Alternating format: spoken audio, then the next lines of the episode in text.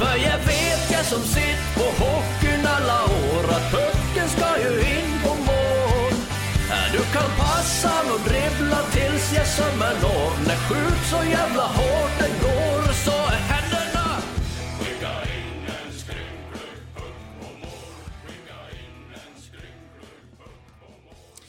Vi saknar er, kom in till oss. Vi fortsätter att jobba med att ge er där ute någonting extra såklart, i och med att ni inte kan vara här på våra SHL-matcher. Tack för ert engagemang och att ni hänger med i den här podden och allt annat vi gör här på Leksands IF. Dags för matchpodd igen alltså, och eh, gästen den här gången är en av våra målvaktstränare. Eh, Jonas Löfven är den ena. Han har ni fått träffa tidigare i podden. Nu ska ni få träffa eh, Alexander Milner. Målvaktstränare alltså i Leksands IF. Välkommen till podden. Tackar. Är det Alexander, är det någon som säger Alexander i föreningen? Nej, jag tror många inte ens vet att jag heter det. Så Nej. det, är, det är Milner som gäller oftast. Okej. Ska vi säga Milner i podden? Får säga vad du vill. Vad ja, vill. Jag kommer svara på allt. Ja, det är bra. Mm. Berätta lite, eh, Milner, om dig själv. Jag är ursprungligen från Östersund, Eh, där jag först spelade i eh, en klubb som heter Brunflo, gick vidare till hockeygymnasiet på Östersund, var en sväng i Oskarshamn, skulle tillbaka till Jämtland och spela lite seniorhockey. Fick då chansen att bli målvaktstränare i Östersund och eh, kände väl att det var mer min grej än att stå i mål. Då. Och eh, sju år senare så, så hamnade jag i Leksand.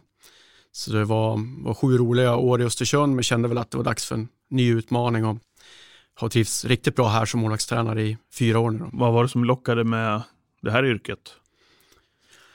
Eh, nej, men målvaktsspelet har jag alltid brunnit för sådär lite grann i detaljer. Har, har alltid varit lite nördig och tittat på andra målvakter så. Eh, sen har jag, ja, det är i alla fall en känsla som jag har haft att jag gärna drivit de lag jag varit med i eh, och kanske på gott och ont. Det har jag blivit bättre på att balansera och mer pedagogiskt än när jag stod i mål. Då var det ju mer hets och, och jag kunde vara rätt eh, rå mot mina lagkamrater. Eh, ja, det var, när jag tänker tillbaka så var det många övertramp där. Eh, men ändå så tycker jag ändå att ur det har man väl mognat lite grann och lyckats kanalisera det här till, till någonting bra. Så i det där när, när jag kände att karriären i, i målet inte kanske gick framåt så, och den här målvaktstränarrollen i Östersund dök upp, ja, men då kände jag att det var, var väl dags att, kanske prova det och när, när de runt omkring mig övertalade mig lite grann till att de trodde att, de skulle passa, att jag skulle passa rätt bra på det så, så tänkte jag att jag, jag kör och prövar och ger en chans och jag tyckte det var riktigt bra. Skoj. Vad Ja. var det som gjorde att du landade in här i Dalarna och Leksand? Ja, jag varit ju kontaktad av Leksand i, eh, det var under min, min sista säsong i Östersund och de berättade då, det var ju Per-Agnar Bergqvist och Johan Hedberg som körde ett, skulle starta ett projekt på målvaktssidan, en liten satsning på framförallt junior och Hur ungdom. många år sedan är det nu? Ja, jag gör mitt fjärde år nu så det var ju innan det, så Mm. fyra och ett halvt år sedan ungefär. Då. Och de berättade deras visioner och vad de ville göra och det var ungefär liknande som jag redan hade kört i Östersund och sådana grejer som jag trodde ganska hårt på. Eh, Och när jag berättade vad jag trodde att jag skulle kunna bidra med och vad, jag gillade att göra så, så hittade vi varandra lite grann där. Och jag, jag tyckte själv att det de sökte, det, det passade mig rätt bra. Och, Vad, var det, vad var det? ja, men framförallt att jobba med, eller driva en utveckling och en filosofi. Det är någonting jag gillar. Och eh, att, att egentligen konkret, göra det mer konkret och att målvakterna vet om vad som gäller, det, det, det gillar jag. Och att det ska vara tydligt och, och ramar, men, men också väldigt fritt inom de ramarna. Så, eh, ja, jag tyckte det passade mig bra. Vilka lag är det du har varit inblandad då i här i föreningen under de här åren? Ska du berätta det för våra Ja. lyssnare? egentligen från dag ett då, så har jag haft ungdom från U11 upp till U16. Jag har haft eh, båda hockeygymnasierna, både lo lokala hockeygymnasiet och eh, nationella. Eh, givetvis också eh, damhockey är med där också. Eh, junior-elitlagen och SDHL har jag kört. Sen är det första gången i år som jag haft någonting med SHL-laget att göra. Jag har ju inte haft någonting med det annat än att vi haft målvakter upp och träna sådär. Eh, så det är kul att få pröva på det lite grann också. Vad är en målvaktstränarens främsta uppgift som du ser det? Om man kollar till vanliga, eller vanliga, om vi kollar till vårat eh, tränare Björn Hellkvist och, och hans kamrater så är det liksom alltid från att sätta upp ett eh, spelsystem, eh, vilka femmer som ska lira ihop, coacha, hela biten och helheten. Du har ju inte så många att fokusera på. Vad blir din uppgift? Nej, men det blir väl lite annorlunda där, för man, man jobbar ju mer med personen och att den ska vara så bra som möjligt. Man, man tar ju ingen, ingen jättehänsyn till någon laguttagning eller sådär. Utan jag ser bara till att den målvakt man jobbar med för stunden ska få så bra förutsättningar som möjligt att vara bra. Och det tycker jag väl kanske är, jag ska inte säga en skillnad, men det är väl min främsta uppgift då, att se till så att den är förberedd oavsett vad, vad som händer. Och det kan ju vara en sån här som inte spelar också, som man måste hålla igång, eller någon som spelar mycket och man behöver balansera och se till så att träningen blir rätt. Då. Så det, är, ja, det är egentligen att se till så att de är på tå hela tiden. Under dina år, hur har arbetet som målvaktstränare utvecklats? Ja, om vi börjar i, när jag började i Östersund, då, då var det ju inte ens alla i allsvenskan som kanske hade en målvaktstränare överhuvudtaget. Då. Nu, nu är de flesta heltid där. Så det har ju blivit mer professionellt. Eh, sen har ju videoansvaret vuxit lite grann på målvaktssidan också. Att, eh, de, har, de har ju oftast tänkt ihop det där, att, att köra video med, eh, med taggning och vad, vad, allt vad det innebär på matcher och sen eh, knyta ihop det med att köra målvakten också. Då. För det blir lite så under matcherna så, så har man ju ingen jättefunktion egentligen då. Utan eh, man står inte i något bås och sådär och det är svårt att kommunicera med, med den målvakt som står i målet. Så då, då har det oftast blivit att videoansvaret hamnar på, på den som har kanske minst att göra. Mm. Spännande. När du körde igång, var det inte gamla målvaktsstilen då också eller är vi, är vi för långt tillbaka då? Jo då, det var lite stand-up och grejer. Ja men, det, ja, men det tycker jag. Och jag, i och med att jag är väldigt liten också så det vart ju sådär till slut att man visste ju att alla sköt högt. Så oftast vart det ju de, de låga man var sämre på ja. nästan. Ja. Men jag, jag var väl mitt i skarven där tror jag. När jag, när jag var sista åren på ungdom och junior där, då kom av de här stora grejerna. Eh, då kom ju också regeländringarna från NHL där man med, att man skulle måttbestämma grejerna. Det fick inte vara hur stort som helst. Så det har jag också varit med på. Men jag var nog mitt i skarven här tror jag. Hur tycker du att det har förflyttningen från den gamla, om du kallar det standup-stilen, till det vi ser idag? Ja, men det är klart att målvakterna har ju egentligen drivit en enorm utveckling inom hockeyn. Eh, så pass bra som, som de har blivit har ju gjort att eh, allt annat har ju varit tvungen att bli bättre också med allt ifrån trafik på mål och skotten måste bli bättre så klubborna måste utvecklas och sådär. Eh, så målvakten har ju blivit grym på att göra det så svårt som möjligt att göra mål. Det, det har ju skett en jätteutveckling där och det känns nästan som att hittar man på en regel som ska göra det svårare, då hittar man ett nytt sätt att lösa det där. Så jag tycker att eh, målvakt, målvakt, målvakterna generellt är ganska drivande i, i utvecklingen och hittar lösningar för att det ska bli svårare och svårare. Hur mycket tittar du på målvakter runt om?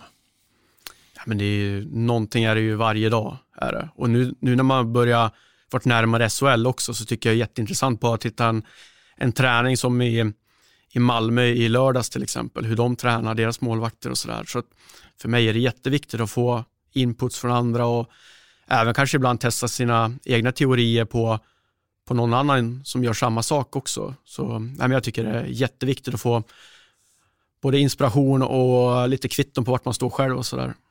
Vad hade du för målvaktsidol när du var yngre?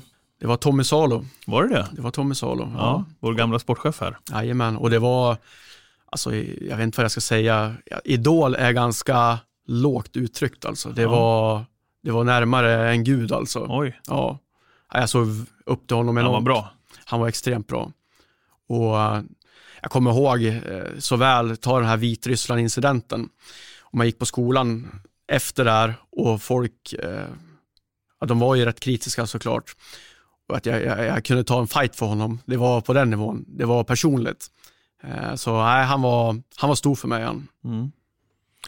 Gjorde ju rätt bra insatser i landslaget får man ju säga i övrigt också som kan komma lite grann i skymundan av den där incidenten som du ofta pratar om. I målvaktspositionen också är en utsatt position. Ja, absolut. Vad tänker du kring det? Ja, men det är ju det. det är, om, om man tar det positiva där. Jag, åt andra hållet så glömmer man, i alla fall aldrig jag, VM 98 i Zürich när de möter Finland i finalen och eh, de vinner med 1-0 över två matcher. Han har alltså nollan i två finaler. Och för mig är det det är sådana grejer som jag aldrig glömmer överhuvudtaget. Att hur pass bra han var i de finalerna. Och, um, det är en sida av det också. Att du kan ju bli den här som gör att, att, det, blir, att, att det blir ett guld till Sverige. Och det har ju han gjort två gånger där då. Och, ehm, I alla fall jag glömmer aldrig sådana där grejer heller. Nej. Jag var, det är en parentes i det här samtalet, men jag var också när jag var yngre otrolig målvaktsnörd. Koll på vilka skydd de hade och vilka mm. färger och det var häftigt att följa. Det var ju en djungel det där också, när de gick från de bruna benskydden till att det var färg på dem och vilka som använde vad. Och det är rätt eh, häftigt ju. Ja. Jag och Per-Agnar Bergqvist kan ju sitta och grotta ner oss i gamla målvakter, hur de såg ut och vad de hade för skydd. Eh, nu är du uppe i A-laget, ja. Eh, hur, eh, hur har det varit? Ska du berätta lite grann om steget in där tillsammans med Jonas Löfven? Det är klart att det har varit annorlunda och framförallt har jag haft en ganska stor respekt för det där. För att proffsen är, det är annorlunda än att ha en 17, 18, 19-åring som eh, egentligen köper det mesta man säger. Och nu kommer det in sådana som är ganska meriterade och, och man ska på något sätt övertyga dem om filosofier och ett sätt att spela. Och, eh, men där kan jag ändå tycka att både laget, ledarstaben och de målvakter som är här har varit väldigt prestigelösa. Eh, det kommer ändå en målvaktstränare från juniorerna som, som egentligen aldrig varit på den här nivån och man ändå får bli accepterad. Så eh, bemötandet har ju varit ja, det stora för mig på alla sätt, på all, från alla. Det, man känner också en sån här, sån här gång när man åker buss med dem nu i en vecka nästan, att man är accepterad, man, man känner sig som en del av laget och, och, det tycker jag är jätteroligt för då, det blir lite enklare också att komma in där när man från början inte varit med. Vad kul att höra. Var det någonting du var orolig för? Ja, det var det. Det var det, verkligen. Eh, både det här att hur funkar teorierna på den nivån? Det var ju en grej som jag aldrig hade prövat och jag är sådär att har man aldrig prov, provat det så vet man ju inte. Eh, jag vill gärna ha lite fakta på bordet sådär och eh, det var väl även hur, hur gruppen skulle ta emot den och, och de målvakter som man skulle jobba med. Eh, vad har de för syn på en? Och de har ändå haft Levan bara här nu också, så nej, jag, hade stor respekt för det där. Hur fungerar ert samarbete, din och Levans? Jag menar Björn, Fredrik och Challe har ju sina uppgifter klara kring laget, vem som gör vad och så vidare. Hur ser det ut mellan dig och Levan? Nej, men vi, för det första så, så bollar man ju hela tiden med honom och det har man ju gjort i alla år egentligen. Eh, och han är ju väldigt prestigelös så. Om, om man har haft någonting man har tyckt och tänkt så, så har man ju kunnat sagt det tidigare också, även fast man inte haft någonting med dem att göra. Eh, så det är, det är en grej som man har känt nu också, att har man velat gjort en övning eller eh, har någonting i spelet som man har velat, velat kört så, så har ju aldrig han hindrat en från det, utan han har istället för varit väldigt stöttande. Då. Eh, sen tycker jag också att vi, vi kompletterar varandra väldigt bra. Jag har lärt mig jättemycket av honom och han är ju eh, han ser ju saker på ett väldigt positivt sätt eh, och där ibland kan jag bli lite fyrkantig och behöver den här, du vet, det löser sig. Ja. Det är inte så allvarligt alla gånger. Eh, och där har jag ju också, nu när man har haft lite motgång eh, på den här nivån också ibland, eh, behövt tänka så. Mm. Är det någon av målvakterna, Janne Juvonen eller Axel Brage, som du jobbar med med? Det har ju blivit lite mer åt Janne, det har det blivit. Och, och det kanske var lite av det som jag har stått för på juniorerna som, som han behövde för stunden. Ehm, det var väl min känsla. Så, där. så det var mer blivit så att, att man har varit närmare honom. Hur skulle du vilja beskriva, om vi börjar i andra kanten med Axel Brage, hur skulle du beskriva honom som målvakt? Jag tycker han är en väldigt smart målvakt. Han läser spelet väldigt bra. Ehm, det är, det är väldigt tydligt när man liksom ser honom varje dag. Ehm, det är sådana grejer som vi kanske inte har tänkt på innan, hur pass bra han läser spelet. Ehm, så när, det gäller ju att han är påslagen hela tiden, för då, då, då får han fram en nivå till i sitt spel varje dag. Och jag tycker sista månaderna här så har det varit väldigt bra. Jag tycker han har spelat mer som sig själv på träningen också. Så det tycker jag är en jättestyrka. Som han, han har ju visat många supportrar Ehm, som tycker om Leksands IF och många andra lag också, en otroligt hög högsta nivå. Kommer ihåg till exempel, ja, bara för att plocka ut någonting, men AIK-matcherna till exempel, den han gör nere på Hovet där och är en stor anledning till att vi går upp i SHL. Hur, hur svårt är det för Axel, som du säger, att behålla den här nivån, liksom, och vara på den här nivån i stort sett hela tiden? Ja, men det är klart att det är svårt egentligen, men, men jag tror också väldigt hårt på sättet att träna, så jag tror det ändå. Um, och det, det, det, är kanske en del i min fyrkantighet här nu, att man kan träna som man vill spela. Eh, och det tycker jag är ett tecken på när han kommer in mot Skellefteå, när han spelar, hoppar in mot Brynäs, så, så ser man ändå exakt samma grejer som han gjort på träningar varje dag en längre tid. Och då blir, för mig blir det ännu mer, eh, det blir ett kvitto på att det faktiskt är så. så jag tror att man kan hitta sätt på det där också, behålla den nivån, bara man bestämmer sig för det lite grann. Vi är det laget i SHL som har gått hårdast åt eh, en målvakt som har stått betydligt mer än, än den andra målvakten och Janne har ju stått merparten. Eh, Axel blev utbytt i sina två första, vi pratade med Björn Hellkvist om det i podden här också. Eh, fick då komma in de här matcherna som du precis beskriver nu, eh, Milner, och gör det väldigt bra. Eh, det där måste ju också vara en komplicerad situation. Hur mycket har du varit med i det där med tanke på att du har kommit in i A-laget och märkt av det här? För det är ju, det är ju speciellt så som vi har matchat våra målvakter den här säsongen. Nu har ju Axel dessutom åkt på en, på en skada. Mm. Ja, det är klart att man har varit med sådär och, och lyssnat och, och resonerat, men det är alltid huvudtränaren då som bestämmer vem som ska stå. Um, och det är klart att det har, man har ju snarare försökt funnits där för Axel och, och Levan, liksom man, man har försökt bidra med det man tror på där. Och uh, snarare än kanske att man har lagt sig i ett beslut om vem som ska stå. Um, det tror jag det känner jag i alla fall är min roll i det, att försöka hitta vägar och hjälpa, hjälpa honom. Jag tänker mig i Axels kläder lite grann också, som inte har fått stå speciellt mycket, blivit utbytt i två matcher, komma in och sen göra de här matcherna han gör. Måste vara otroligt, eh, alltså mental, mycket mentalt också, eh, mycket att fundera på inför de matcherna. Mm. Starkt att ta sig upp på den nivån han har spelat. Jag är otroligt imponerad från sidan. Vad, vad känner du och tänker kring det? Ja, men jag tycker också för mig var det ingen slump att det var så. Eh, jag, jag kommer ihåg att jag, nu låter kanske det lite konstigt att man slår sig för bröst och sådär, men jag var väldigt övertygad om att det skulle gå bra mot Skellefteå.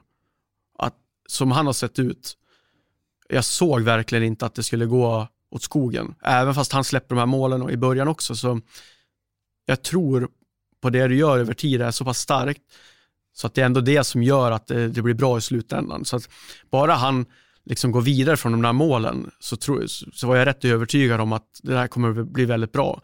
Och det är för att han har gjort det där dag ut och dag in en längre tid. Så ja, för mig blir det ingen slump, utan det är, han har förtjänat det där. Och som sagt, just nu då, eh, kurerar sig, är på skadelistan, men vi hoppas att han är tillbaka här inom kort, Axel Brage alltså. Om vi går över till Janne Junen då, som du har jobbat nära. Vad är ditt första intryck av honom? Janne är ju en väldigt skicklig målvakt när det gäller det tekniska, både i fotarbete, känsla, händer, även spelförståelse, en grym explosivitet, eh, kroppskontroll. Så han har ju väldigt mycket i det, i det tekniska som är, ja, jag, jag, nu, nu, nu har inte jag varit på den här nivån innan, men, men jag tycker ändå nu när man bara tittar de andra målvakterna också, att han är en, i, i topp i ligan på, på just de grejerna. Då. Eh, och för honom gäller det att hela tiden hitta ett sätt att få fram det och hamna i de situationerna där han spelar på sina styrkor. Eh, och det tycker jag att han har hittat ett sätt så att det, det sker ofta och inte kanske varje match men, men i stort sett varje match. Belönades med landslagsplats också för inte så länge sedan. Vad är den stora skillnaden på hans spel tycker du från i fjol? Du följde A-laget även om du inte var inne i laget så eh, jämfört med i år. Det är en av de största eh, skriverierna inom SHL faktiskt, Jannes utveckling. Eh, vad tänker du kring det? Jag har också dålig koll egentligen på fjolåret. Det var, om vi säger så här, när, när, när jag kom in i det här så kändes det som att jag ska börja den här änden. Första gången, vi, vi satt faktiskt exakt i det här rummet då, han och jag och, och pratade om när han är som bäst, vad tycker han att han är bra på då? När han spelar på toppen av sin förmåga. Och då berättade han då sin bild av det. Eh, och så frågar man lite grann, ja, men vart, i, i, om du jämför med det, vart är du där nu? Och då visar det sig att han tycker att han är ganska bra bit ifrån det. Så för mig var det ju att börja knuffa närmare det han tyckte han var bra på egentligen. det var ju det vi enades om att vi skulle börja med.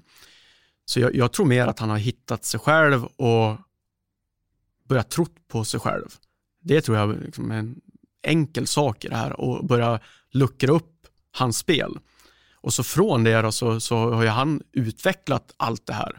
Känns som, I och med att han gör det varje dag. Han tränar på det varje dag och är väldigt noggrann med de här grejerna. Och det är också det då när, när det kommer en liten tyngre period här nyligen att då har man ju två val. Det ena är att gå tillbaka till att bara fara och flänga och, och bara fightas eller gå tillbaka till, till sina styrkor och jobba med dem.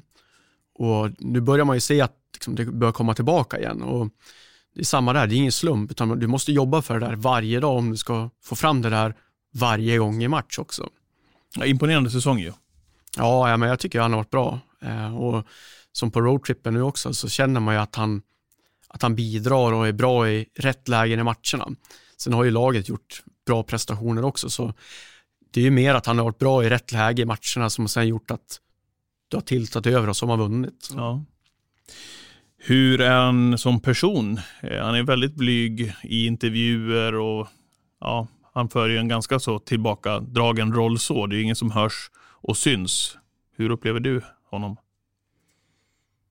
Ja, men jag upplevde också så i, i början. Eh, sen, sen, eh, nu, nu tycker jag att han öppnar sig mer och mer och är också bättre och bättre på att beskriva sina känslor, eh, vad han känner och vad han tänker. Eh, och han är rätt, rätt klok sådär och, och ser saker på ett väldigt intressant sätt. Jag har tagit med mig jättemycket av det han har sagt till till exempel juniormålvakterna och små grejer som han tänker på och filosoferar om. Sen är han ju en, han har, han har ju en enorm humor och, och glimten i ögat som, som kanske inte kommer fram alla gånger där med bakom masken och i tv-intervjuer men, men uh, han är rätt fyndig sådär i laget och, och har nog riktigt bra skämt till, till grabbarna sådär så uh, han börjar nog komma in i det där mer och mer.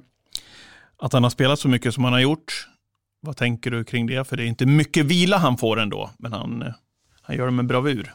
Ja, men sen har spelschemat innan jul varit ganska passande. Det var mycket två matcher i veckan, det har varit mycket uppehåll, så det funkar rätt bra. Det är väl perioden nu man har känt att ja, men kanske att det hade behövts lite avlastning. Då. Eh, men nu är det samma där, nu har vi prickat formen igen och, och börjat spela bra, så det är ju bra mycket lättare att spela mycket när det, när det också går bra. Så det, det är klart att man någon gång hade kanske kunnat vila honom, men, men jag tycker också det passar ganska bra i, i schemat. Sådär. Den här roadtrippen som ni har varit ute på, då, hur nära jobbar du, Janne, där kring matcher, inför matcher, efter matchanalys? För då är det ju match, vila någon dag, match, vila någon dag och så match igen. Mm. Hur ser det ut för er? Ja, men för det första så tycker jag, jag, jag, jag värderar ju träningarna väldigt högt, även fast det är tätt mellan matcherna. Och att vi har kvalitet när vi kör. Eh, så vi har ju alltid inte varje dag, men, men i stort sett gjort någonting varje dag. Eh, och har vi inte varit på is, då har vi tittat på video. Eh, så jag tycker det är väldigt viktigt också när det blir tätt mellan att stänga matchen som har varit och gå vidare på nästa direkt. Så vi, vi har jobbat egentligen med att stänga och öppna nästa. Och um, i det också försökt ha kvalitet hela tiden, även fast man börjar bli trött. Liksom. Man, man pushar det där med att vara noggrann, vara rejäl, spela med hög kvalitet varje träning. Om vi kollar till den här trippen då som ligger, som ligger precis bakom oss. Det var nio poäng på tre matcher, vilket är fantastiskt på alla sätt och vis och eh, bara fyra insläppta mål på tre matcher. Eh, nollan höll Janne nere i Malmö. Vad gjorde han bra där nere tycker du? Eh, de hade ju sitt tryck egentligen i, i första perioden, tycker jag. Där, där var inte vi riktigt med och jag tycker att han med tanke på hur, bra de är framför målet, Malmö, att han klarar deras attacker. Han var stark i närspelet och han var bra i trafiken. Jag tyckte det var nyckeln där, att han var beredd på stormen. Sen har han egentligen två perioder där han, det är klart att det, de har ju något jätteläge där i andra perioden, men i övrigt så är det väldigt lugnt. Vi för spelet och det är bara en fråga om när vi ska vinna. Så bra i rätt läge och han var, var bra i det Malmö skapade där i första, tycker jag. Och då, då vart det nolla på det där också. Ängelholm, seger 5-2 innan det var klart efter två i tom kasse. Eh, låg under 2-0 efter två tidiga mål. Första målet var väl Everbergs va? Mm. Friläget när han låg upp och fiskade på blå. Mm. Eh, som går någonstans där på, i mitten på plockhandsidan. Mm. Vad säger du? Ja, nej, men vi det... nu grotta ner oss i detaljer. Ja, nej, men det är ju en, vi hade ju pratat om det där, att de drar iväg och så. Eh, så var det typiskt att få börja med ett friläge direkt också. Och Janne är ju en sån här, på gott och ont, som vill gärna ha en bra känsla och sådär. Eh, han säger själv att efter första perioden så, så var det ingen bra känsla. Men jag fick ju vända på det där. Bevisligen så var det tillräckligt för att ändå kunna vara bra i tredje perioden när, när riktiga forceringen kom.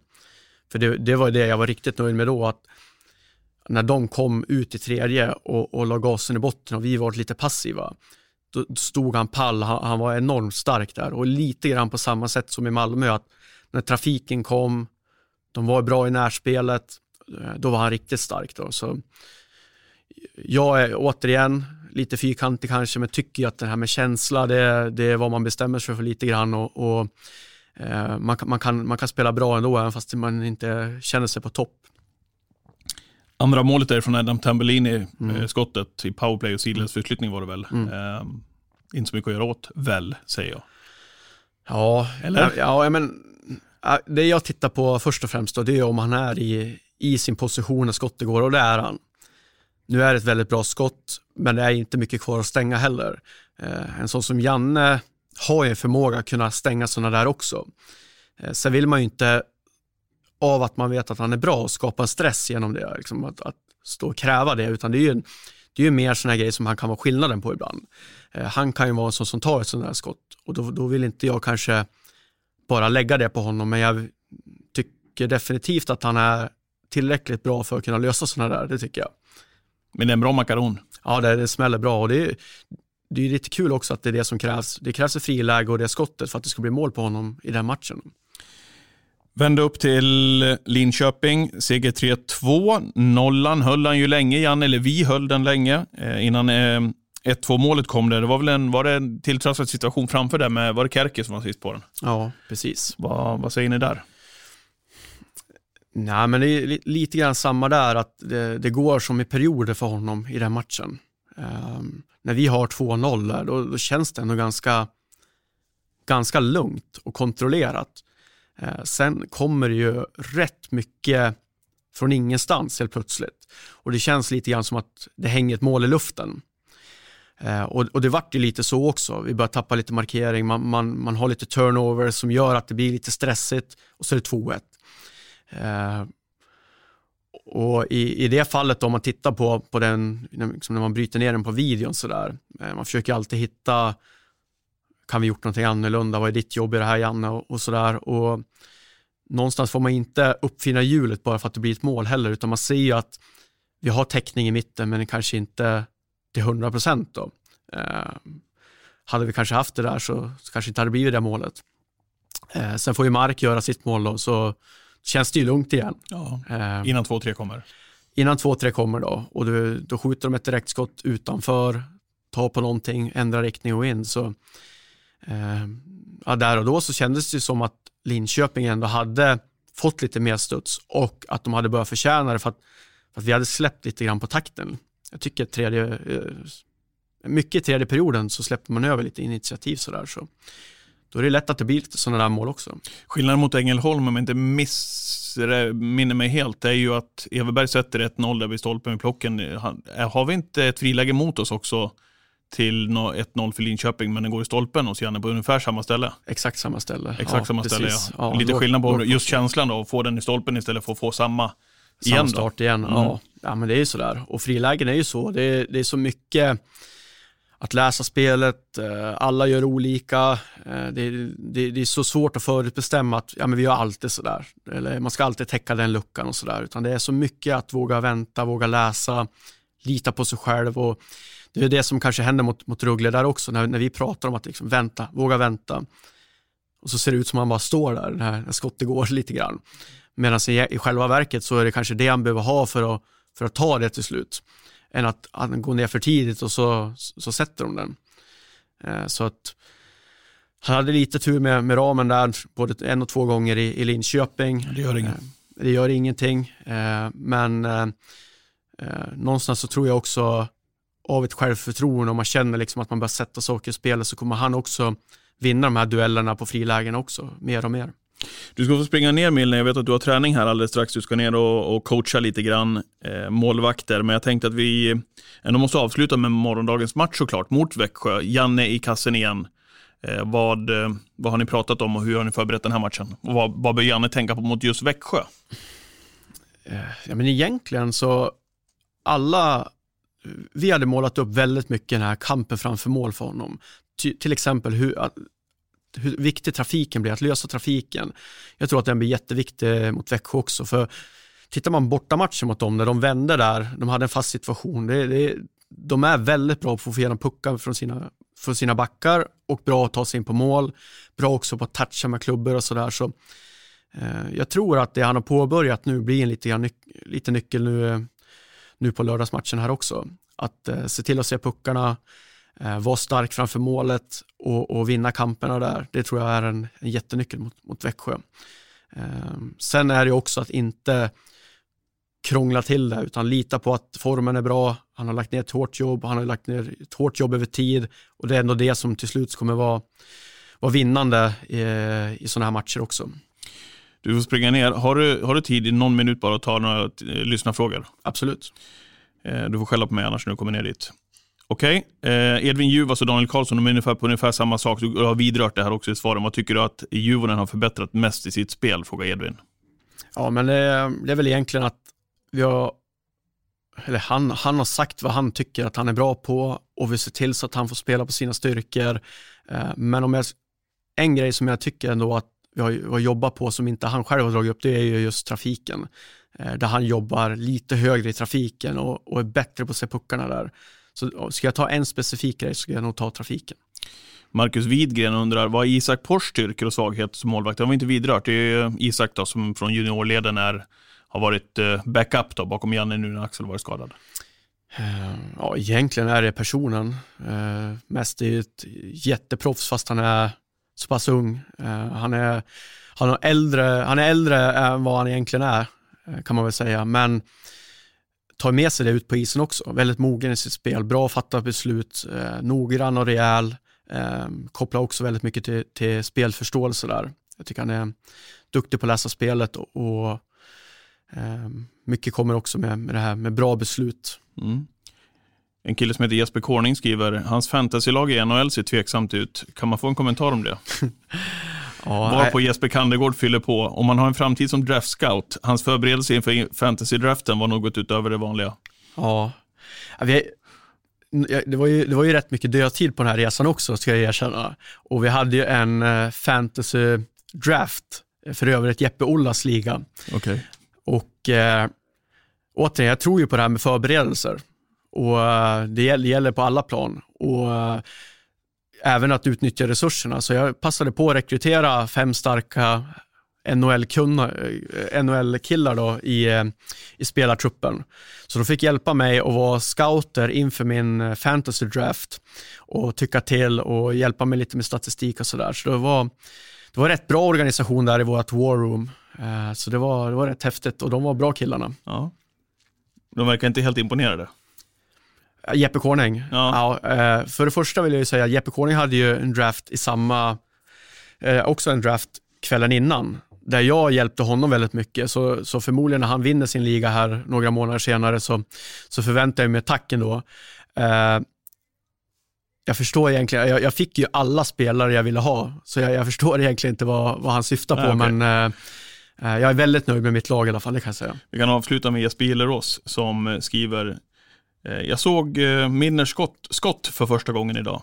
Är han självlärd eller har han haft en coach?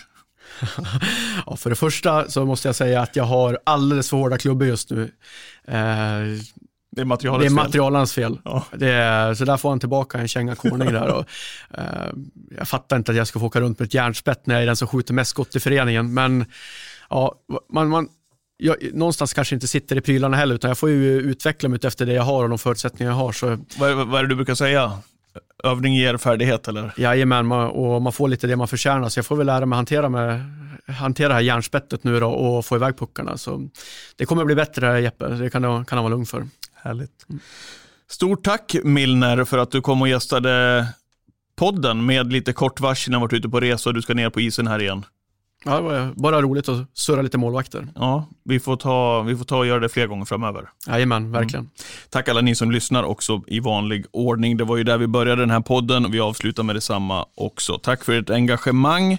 Nu jobbar vi väl in ytterligare en seger hemma mot Växjö. Låter inte det bra under lördag eftermiddagen och kvällen. Ha det så gott där ute så hörs vi igen framöver i det här formatet. Hej hej! Jag var på hallen match mot Mora IK fullt på Norra Stå. Men jag satt i baren för jag, jag klarade inte av, jag var för feg för att titta på. När plötsligt jag hörde en gammal skröplig karl som mumlar nåt på Leksands mål. Men att de aldrig skjut. Sen så gick han ut och tog sig ner till vårt spelarbås. Där sa han Skicka in en mål.